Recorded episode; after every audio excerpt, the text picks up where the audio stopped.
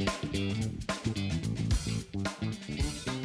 talk, we share, and we present. This is Andalas Podcast by Alsa Elsi Unan.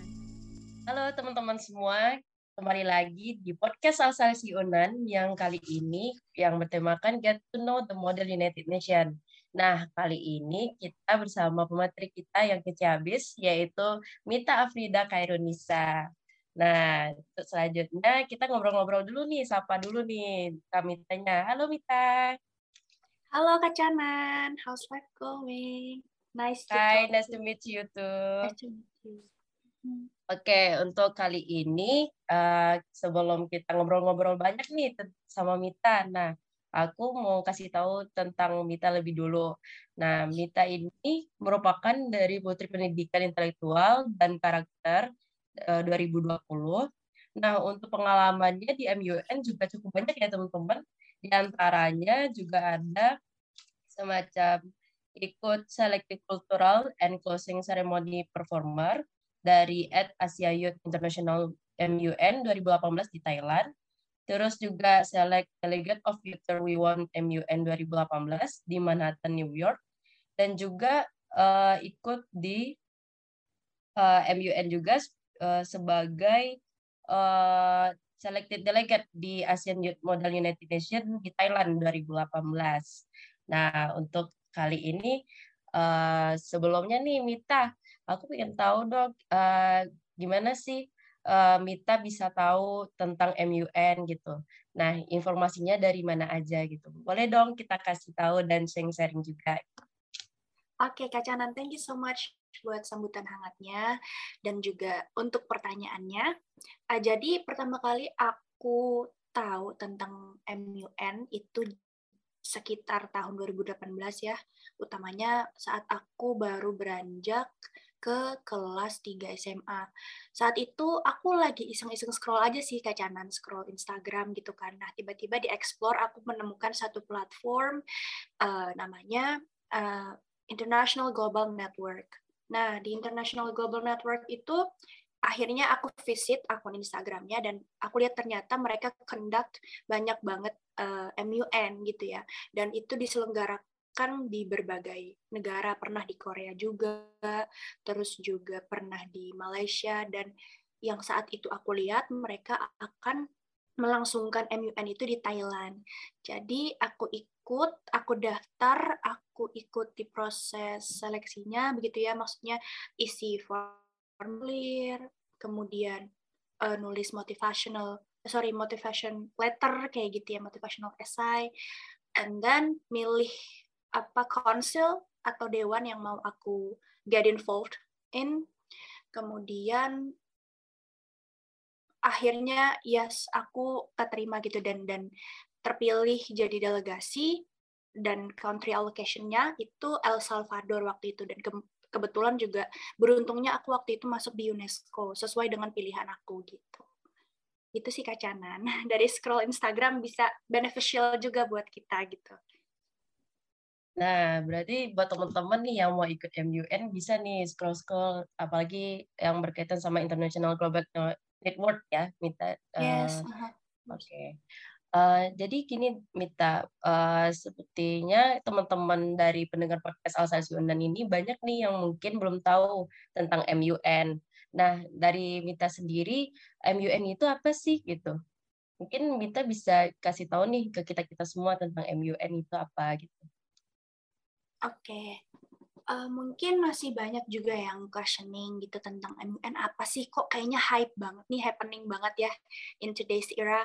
Kayak orang-orang tuh banyak banget ngomongin tentang, eh ya gue kemarin habis ikut online MUN yang diadain misalnya oleh Asia Africa International Model United Nations. Nah, itu apa sih kira-kira MUN gitu ya? Kalau misalnya kita uh, ambil dari pengertian secara paling umum dan paling semoga paling mudah kita mengerti ya. MUN itu simulasi sidang PBB gitu. Nah, simulasi P, uh, sidang PBB ini banyak um, ada beberapa terminologi yang harus kita ketahui gitu ya. Yang paling dasarnya adalah uh, terminologi yang harus kita ketahui misalnya ada co-chair, ada chair yang mereka itu memimpin konferensi selama konferensi berlangsung, kemudian country allocation atau di dalam MUN ini nanti kita tuh dapat negara apa untuk kita wakili atau untuk kita representasikan berdasarkan topik yang sudah diberikan oleh uh, konsul yang kita dapetin untuk kita terlibat di dalamnya gitu kan. Karena kita tahu banyak kan konsul atau di sini ada dua istilah yang bisa kita ambilkan selain konsul itu komite. Komite atau konsul sama aja. Jadi itu dewan yang ada di PBB gitu yang mereka itu khusus fokus atau concern terhadap suatu apa namanya? suatu realm atau bidang gitu kayak UNESCO, WHO, terus UNFCC yang be, yang berfokus pada climate change, terus ada ECOSOC yang ber, yang berfokus pada uh, ekonomi dan sosial misalnya, terus ada lagi uh, UNICEF yang berfokus pada uh, pendidikan dan kebudayaan anak-anak kayak gitu. As far as I'm concerned, aku mau mendefinisikan MUN seperti itu, itu sih Kak Canan, simulasi sidang PBB yang bisa diikuti oleh uh, para pemuda from all walks of life kayak gitu Kak Canan. Nah, uh, jadi gini, uh, kalau misalnya teman-teman uh, pendengar podcast Asia Sunda ini kan kebanyakan masih bingung nih, MUN itu apakah sama nggak sih uh, uh, is uh, competition or not gitu? Kalau okay. menurut Mita gimana? Oke, nanti setelah ini aku mau tanya lagi langsung ke Kak Canan ya tentang pendapatnya. Kalau menurut Mita, is um, an, uh, sorry is a MUN competition? For me, it's not. Like it's clearly not for me but kalau untuk orang lain mungkin bisa mereka consider itu sebagai competition tapi kalau Mita sebagai uh, delegate Mita jadikan orientasi untuk ikut MUN adalah untuk meet new people untuk share ideas untuk brainstorm untuk tahu acquainted about uh, like global issues. Jadi yang bikin kita familiarized being familiarized being acquainted atau kita apa ya bisa keep up dengan perkembangan zaman gitu. Jadi kalau misalnya kita jadiin MUN ini kita consider sebagai competition, menurut aku itu akan bikin kita hanya terfokus pada goal-goal tertentu. Misalnya kan dalam MUN kan ada awarding net ya kacanan ya. Ada awards, Betul. misalnya best delegate, uh, honorable mention, the most outstanding delegate, ketika kita jadi ini itu orientasi kita untuk ikut MUN, gue harus menangin award ini, gue harus dapat fame, gue harus diperhatiin banyak orang, gue harus menjuara ini itu. For me, it's just not gitu kayak. Jadi kalau menurut aku apakah MUN competition? It's not. Itu conference yang menghimpun banyak orang dari berbagai lapisan masyarakat yang punya berbagai perspektif, kita kumpulin bersama untuk kita ciptakan possible solutions dari um, problem atau issues yang kita punya on the table. Jadi kayak gitu kacanan. For me, it's not a competition, but if there's uh, like there are people who want to consider uh, uh, uh, MUN as competition, then then that's completely okay tuh gitu. Cuman menurut aku ketika kita jadiin orientasinya sebagai untuk memenangkan award aja sayang banget gitu lah jadi nggak bisa enjoy konferensinya gitu kak Canan Uh, ya benar sih uh, dari apa yang disampaikan iya. sama Mita. Uh-huh. Karena kalau uh, menurut aku pun juga uh, seperti aku yang baru mulai uh, ikut-ikut MUN itu, itu justru jadi wadah gitu buat kita belajar Betul. bahasa Inggris juga nggak sih? Kayak percaya diri kita, iya percaya yes. diri kita juga gitu kan. Jadi dari sana, jadi kalau misalnya dibilang kompetisi nggak juga ya Mita ya. Hmm, gitu. Oke, uh, untuk selanjutnya nih Mita ada beberapa pertanyaan juga uh, dari teman-teman juga nih. Nah, sebelum MUN itu kan pastinya kita ada yang seperti Mita bilang tadi motivation letter, terus juga ada position paper gitu. Nah, mm-hmm. dari Mita sendiri waktu itu uh, untuk mempersiapkannya itu bagaimana kayak maksudnya apakah ada nggak sih kayak trik-triknya uh, untuk bisa lulus gitu untuk mengikuti MUN ini? Oh, oke. Okay. Kalau misalnya menyoal motivation letter, ya menurutku simpel aja sih, Kacanan. Kebetulan banyak sekali juga kan um, apa agensi atau NGO atau organisasi yang provide MUN itu dengan seleksi yang tidak tidak terlalu sulit untuk kita pass gitu ya. Nah, kalau menyoal motivation letter bikin menurutku uh, sesimpel mungkin, tapi bener-bener sound punching gitu kayak bener-bener menampar sanubari misalnya panitia yang membaca gitu ya motivational trainer kenapa kita mau ikut MUN jangan lagi kita bilang oh apa ya? It's a very common thing untuk bilang kalau kita itu mau apa namanya hmm, mau leverage atau mau meningkatkan skill kita di ini ini ini misalnya gitu itu boleh tetap dimention tapi yang mungkin bisa bikin panitia itu tergugah berikan alasan-alasan yang misalnya manusiawi gitu oh aku pingin ketemu sama orang-orang, aku pengen tahu tentang uh, culture yang mereka punya dari berbagai negara, foreigner dan lain-lain. Kemudian aku juga mau jadiin MUN ini jadi ajang aku belajar bahwasannya uh, kita hidup di dunia ini hidup dekat dengan pluralisme gitu ya, dekat dengan perbedaan gitu. Nah, kita harus uh, percaya bahwa perbedaan itu adalah niscaya.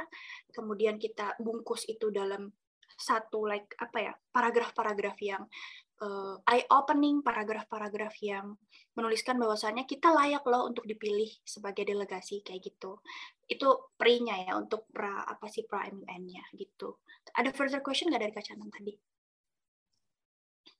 Uh, kalau dari aku tadi sih itu ya uh, gimana kayak tips-tipsnya kan untuk persiapan uh, ikut MUN itu kan kita harus bikin paper segala macam. Ah gitu, iya, kan. tentang position paper ya.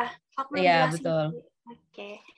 Nah kalau position paper sendiri, aku di sini uh, kadang kalau misalnya bikin position paper itu um, apa ya, bikin storyline-nya dulu, bikin outline-nya dulu Kak Canan. Jadi kayak ada ada empat outline gitu ya. Yang pertama itu ada background of topic.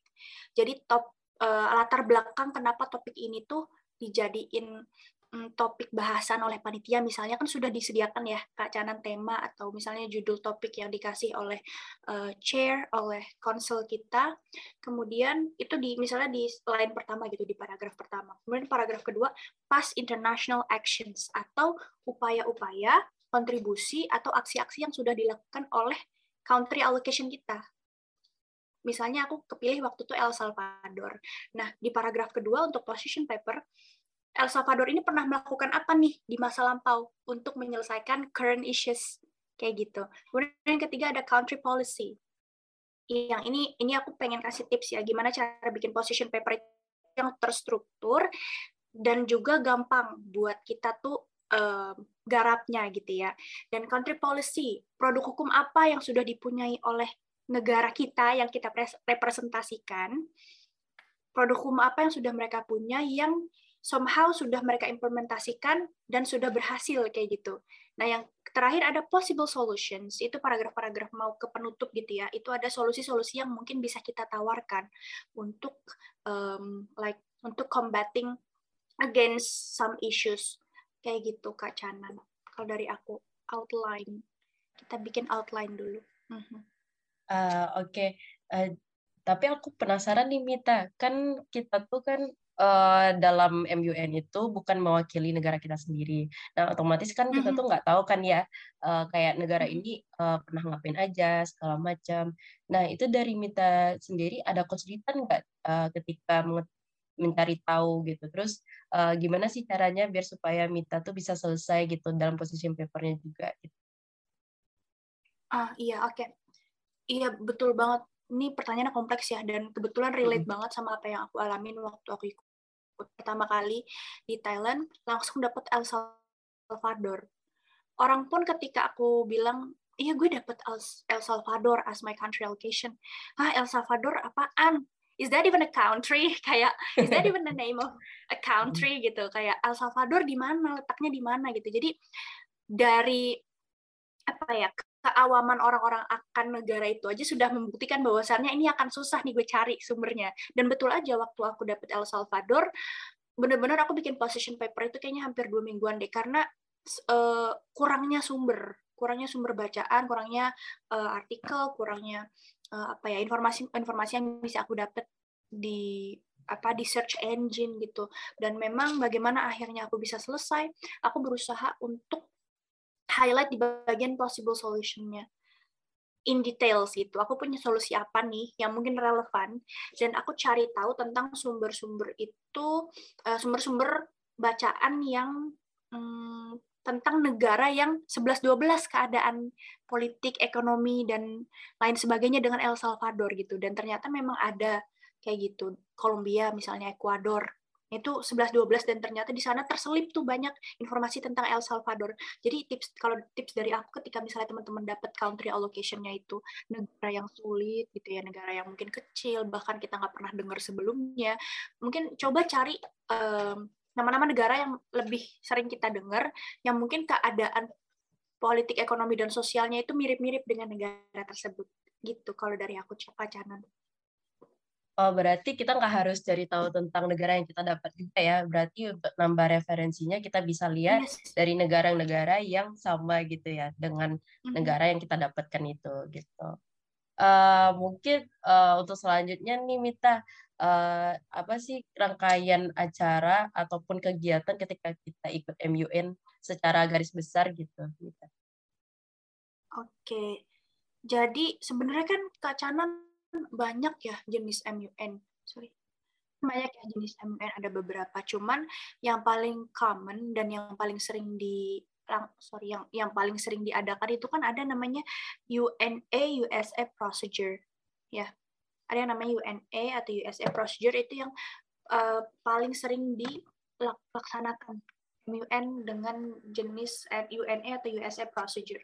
Jadi Eh, kita perlu tahu beberapa terminologi di sini. Ada chairperson, kemudian ada apa namanya general speech, ada ada uh, speakers list, siapa aja dari kita delegasi yang mau menyampaikan speech secara general kita sudah siapkan dari rumah gitu ya. Dan sebelum kita apa namanya sebelum kita speech di depan itu nanti ada roll call dulu Kecanan inget nggak roll call? Jadi kayak ada presensi gitu kan, dipanggil-panggilin nama-nama iya, negaranya. Ya, dipanggil nama negaranya ya. Yes, iya. Ini orang hadir nggak nih delegasi dari negara ini hadir nggak? Nah, setelah roll call akan ada uh, general speech. Nanti di list tuh general speakersnya. Siapa yang mau menyampaikan pidato mengenai where where we stand, di mana kita berdiri gitu loh sebagai negara, gitu kan. Misalnya France, terus USA, eh, Barbados, mereka mau menyampaikan speech nanti di list sama chairpersonnya gitu kan, nanti dipanggilin yang ngasih kacanan.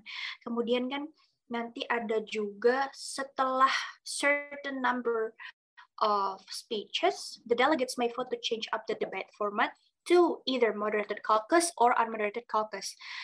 Ingat istilah moderated caucus dan unmoderated caucus? Oh iya, ada moderate caucus sama unmoderate caucus. Tapi sebelumnya yes. tuh biasanya kayak ditanya gitu nggak sih kayak mau berapa lama gitu ya kan? Yes, betul. Ditanya uh -uh. biasanya berapa lama. Misalnya kalau dari kita semua sepakat untuk vote moderated caucus, ditanya, oh 10 menit, oke 10 menit kita akhirnya pilih topik atau mosi ya Kacanan. Nanti hmm. dipilih mosi atau topik mana yang mau kita bahas, kayak gitu kan. Nanti di list lagi siapa yang mau speech tentang certain topik. Ya nggak sih Kacanan kayak gitu? Iya benar. Setelah mm -mm, setelah udah moderated caucus, sudah habis waktunya, ditanya lagi sama chairperson, debat formatnya mau kayak apa lagi nih? Mau moderated caucus lagi atau unmoderated caucus? Nah, kalau misalnya dipilih unmoderated caucus, artinya kita bisa berdiri dari kursi kita dan get along with other delegates ya Kak Canan. Ya, kita kayak gabung bikin sama. grup gitu ya? Yes, kita udah mulai bicarain soal blog, kita udah mulai bicarain soal working paper dan draft resolution. Jadi menurut aku memang lebih asyik itu unmoderated caucus sih. Kita bisa kenalan sama orang-orang dari berbagai negara nggak sih kacanan terus share ideas dan solutions yang mereka sediakan. Terus kita bisa mulai ngerjain draft resolution kayak gitu. Nah setelah unmoderated caucus dan moderated caucus dilakuin kita bikin kayak aliansi gitu kan kak? Kayak blog kita bikin blog uh, biasanya di dalam satu konsul itu ada 2 sampai empat blok sih dan masing-masing blok mereka punya hmm, tujuannya, goal dan visinya masing-masing. Mereka juga menyediakan solusi mereka masing-masing kayak gitu. Dan setelah uh, sudah seperti itu nanti draft resolution dibacakan kemudian akhirnya pada akhirnya itu delegasi diminta untuk voting ya kacanan apakah draft resolusi draft resolusi mana nih yang diterima? Kayak gitu. Kurang lebih seperti itu sih. Simple menurut aku apalagi kalau udah dijalanin itu rasanya fun gitu Uh, Oke, okay. nah cuman uh, banyak nih dari teman-teman juga yang masih ragu nih Mita, uh, perbedaannya tuh gimana sih antara moderate caucus sama unmoderate caucus? Gimana sih sistemnya dua buah itu gitu? Uh, kalau okay. menurut Mita gimana tuh? Ya, kalau moderated caucus sama unmoderated caucus. Kalau moderated caucus itu kan kayak hmm, semacam discussion atau debate format, yang kalau moderated caucus itu dia lebih formal, kemudian delegasi tidak boleh keluar dari tempat duduknya, kemudian juga satu hal yang perlu kita tahu kita nggak boleh menjangkau like internet gitu ya. We we don't have internet access, so we should prepare some research, uh, like gathered research gitu ya, kayak moderated caucus itu kita cuma duduk, kemudian seperti sama, hampir sama seperti general speech di awal, ketika sudah ditentukan topik atau mosi, misalnya ada hmm, delega, satu delegasi yang propose certain topik untuk dijadikan mosi. Terus delegasi B ada lagi yang mau propose topik.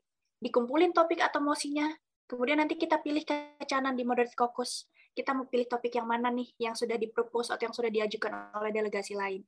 Kayak gitu. Setelah sudah uh, di voting mau mau si mana atau topik mana, nah setelah itu kita bikin speech lagi, writing uh, speech lagi kayak gitu. Kalau moderated caucus, kalau unmoderated caucus, kenapa kalau bilang ini lebih santai, lebih enak, kita bisa along with people? karena nggak ada topik atau mosi tertentu. Selama unmoderated caucus, kita bebas mau sharing apa aja, yang penting relevan dengan topik yang sedang dibahas di konsil kita. Kita bisa sudah mulai menyiapkan working paper dan draft resolution, kayak gitu Kacana. Lebih enak informal. Eh, informal. Ya, sebenarnya lebih enak unmoderate caucus ya kalau kayak gitu. Jadi kita bisa kenal sama yes. Iya. teman-teman sekelompok kita juga, ya kan? Bisa nambah-nambah yes. Iya. uh, teman juga gitu.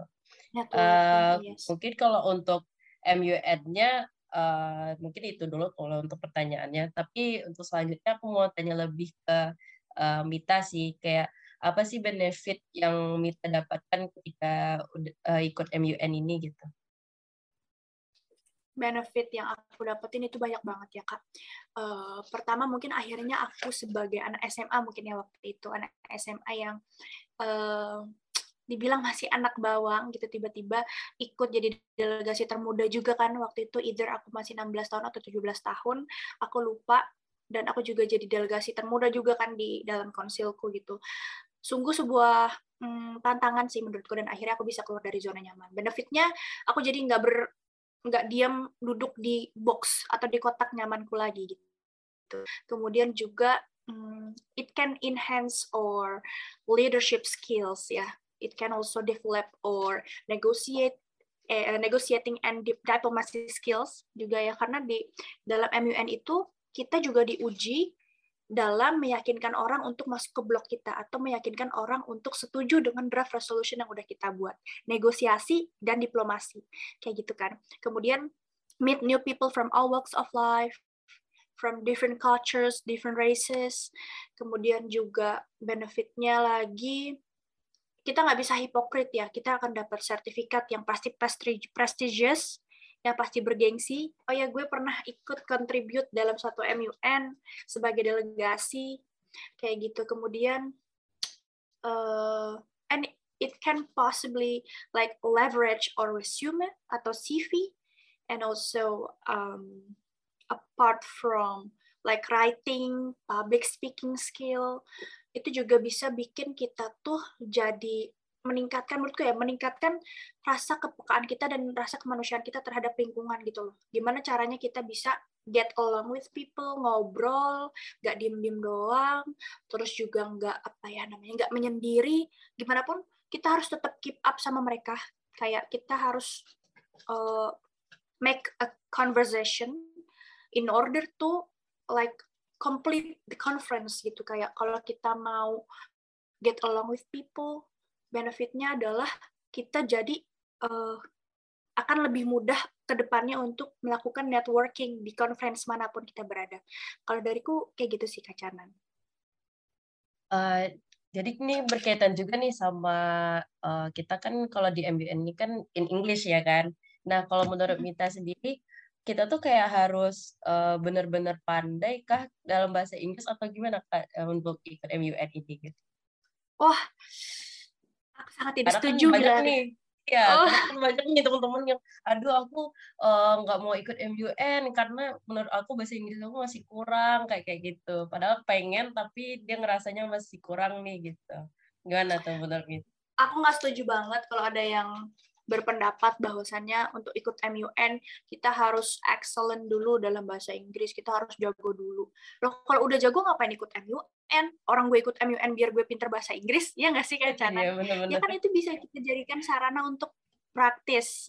Jadikan sarana untuk praktis sama orang yang mungkin bahasa ibunya adalah bahasa Inggris, sama orang yang native ya, native speaker. Kita bisa latihan sama orang dari berbagai belahan dunia yang mereka juga mungkin sebetulnya sama dengan kita struggling with English dan mereka berusaha untuk um, jadiin MUN sebagai ajang praktis mereka. Jadi menurut aku sangat uh, aku sangat tidak setuju kalau misalnya mereka bilang atau banyak yang bilang kita harus jago dulu bahasa Inggris. No, justru pertama kali aku aku ikut MUN itu aku juga masih aduh grammar berantakan. Aku ngomong yang penting ngomong gitu karena ketika under pressure ya ya ketika kita di bawah tekanan kita kita tuh somehow yang ngomong harus ngomong ya nggak sih kacanan iya. bodoh amat nih apa yang keluar dari mulut gue apa yang penting yang penting uh, tujuan gue dari yes itu tersampaikan ke orang dan orang itu yang penting ngerti kayak gitu loh. Menurut aku kayak gitu sih. Nah, jadi ini buat teman-teman pendengar podcast Siunan uh, yang mau ikutan MUN atau buat teman-teman yang ada di sini juga sekarang, kalau misalnya mau ikut MUN ya nggak harus ini ya, nggak harus pandai bahasa Inggris harus gimana karena kalau aku sendiri pun waktu ikut MUN juga nggak ini nggak begitu bagus lah bahasa Inggrisnya gitu. Uh, Oke, okay. kalau untuk selanjutnya nih, kalau menurut Mita, ketika kita ikut MUN itu worth it nggak sih untuk diri kita sendiri gitu? Atau untuk kehidupan kita di ke depannya gimana gitu, Mita? Of course, it's worth every single penny of Kenapa aku bisa bilang itu? Karena kan banyak ya kacanan uh, eh, MUN yang memang mereka itu berbayar. Ada juga mungkin yang tidak berbayar. Tapi sangat sulit untuk mencari MUN yang tidak berbayar ya, kacanan. Uh, aku sampai saat ini jarang banget menemukan. Karena mostly, most of them, mereka berbayar. Dan menurut aku worth it, it's worth every, every single penny of it. Kita dapat guideline, kita dapat MUN kit, kadang-kadang kita dikirimin merchandise merchandise kemudian kita dapat sertifikat yang prestigious juga at inter at international level kemudian juga kita bisa networking, followers Instagram kita bertambah, kita punya banyak relasi, kita misalnya nanti jadi traveler, kita pergi ke India, ih gue pernah kenal nih sama orang ini di MUN ini, gue hubungin ah, misalnya kita pergi ke Sri Lanka atau kita pergi ke Jerman, ih waktu itu gue pernah punya relasi dari MUN ini, gue tinggal kontak dia aja, temenin gue jadi guide, kalau gue mau traveling kayak gitu kan, jadi menurut aku apa ya, kayak almost in every aspects of life. MUN bring uh, uh, MUN brings so much like uh, benefits for uh, for us gitu. Jadi uh, sangat worth it meskipun berbayar karena what when we can value experiences over positions it can lead uh, it can lead us to like truest happiness it can lead us to uh, a successful life ketika kita consider bahwasannya pengalaman itu di atas segalanya sehingga kita tidak lagi hitung-hitungan dengan uang berapa rupiah yang kita keluarkan kayak gitu jadi menurut aku sangat worth it gitu Kak Cana. Ya benar juga sih. Jadi nanti kalau misalnya kita udah ikut MUN itu nggak hanya soal MUN-nya aja ya. Jadi bisa juga buat nambah-nambah relasi gitu kan. Jadi kita kalau mau ke mana Betul. aja juga bisa nih. Uh, kayak hubung-hubungin nih teman-teman yang kita waktu di MUN. Nah gitu. Betul, setuju teman. banget. Uh, Oke, okay kalau waktu Mita ikut uh, eh, MUN itu eh, gimana cara daftarnya ya uh, Mita karena kan dari teman-teman banyak nih yang nggak tahu nih gimana sih cara daftar buat ikutan MUN gitu. Oke. Okay. Uh, jadi kan tadi pernah uh, tadi sempat aku mention ya hmm. kalau aku menemukan informasi tentang MUN itu di International Global Network. Tapi banyak kok juga uh, options that we have on the table di mana banyak juga platform yang menyediakan informasi tentang MUN. Salah satunya ada mymun.com. Di situ terhimpun banyak sekali MUN-MUN yang akan dilaksanakan. Nah, uh, nanti mungkin bisa ditulis gitu ya. Jadi mymun.com. Jadi isinya itu uh, ada berbagai MUN yang akan diselenggarakan di seluruh seluruh belahan dunia. Ada yang di Jerman, ada yang di Swiss, ada yang di apa Belanda pernah waktu itu ada yang di Praha, ada yang di Paris dan itu banyak sekali terhimpun MUN dan kita bebas memilih ikut yang mana kayak gitu di mymun.com itu memang cenderung banyak dilaksanakan di Europe dan di daerah Amerika dan itu somehow juga it's it's so like itu thrilling banget buat kita coba, intriguing banget untuk kita coba kita uh, terbang ke daerah Europe atau ke Amerika. Nah, bagaimana cara daftarnya? Tinggal kunjungin websitenya, uh, di International Global Network juga bisa tinggal tuh kunjungin akunnya di Instagram, visit websitenya. Kalau misalnya udah ada like button, like register button, uh, tombol registrasi tinggal kita regis, tulis nama, informasi, data diri, kemudian ada beberapa mungkin beberapa pertanyaan ya uh, berbentuk esai yang harus kita ketik. Setelah itu kita pilih country allocation dan kita pilih uh, apa namanya konsil. Kita pilih dewan mana yang kita pengen terlibat di dalamnya. Kayak gitu. Kayak gitu Oke. Okay. Thank you ya Vita untuk informasinya dan juga uh, penjelasannya tentang MUN. Uh, mungkin sekian juga uh, podcast kita kali ini untuk pertanyaan-pertanyaan dan juga makasih banyak Mita juga yang udah bersedia uh, jadi pemateri kita pada podcast Asa Yunan yang temanya Get to Know the Modern United Nation. Uh, semoga uh, podcast kali ini bisa bermanfaat juga ya Mita ya buat teman-teman mungkin yang mau ikutan MUN uh, bisa ngobrol-ngobrol uh, juga, uh, bisa cari tahu juga melalui mendengar uh, podcast Asal Yunan kali ini. Um, maybe that's all. Thank you. Uh, see you.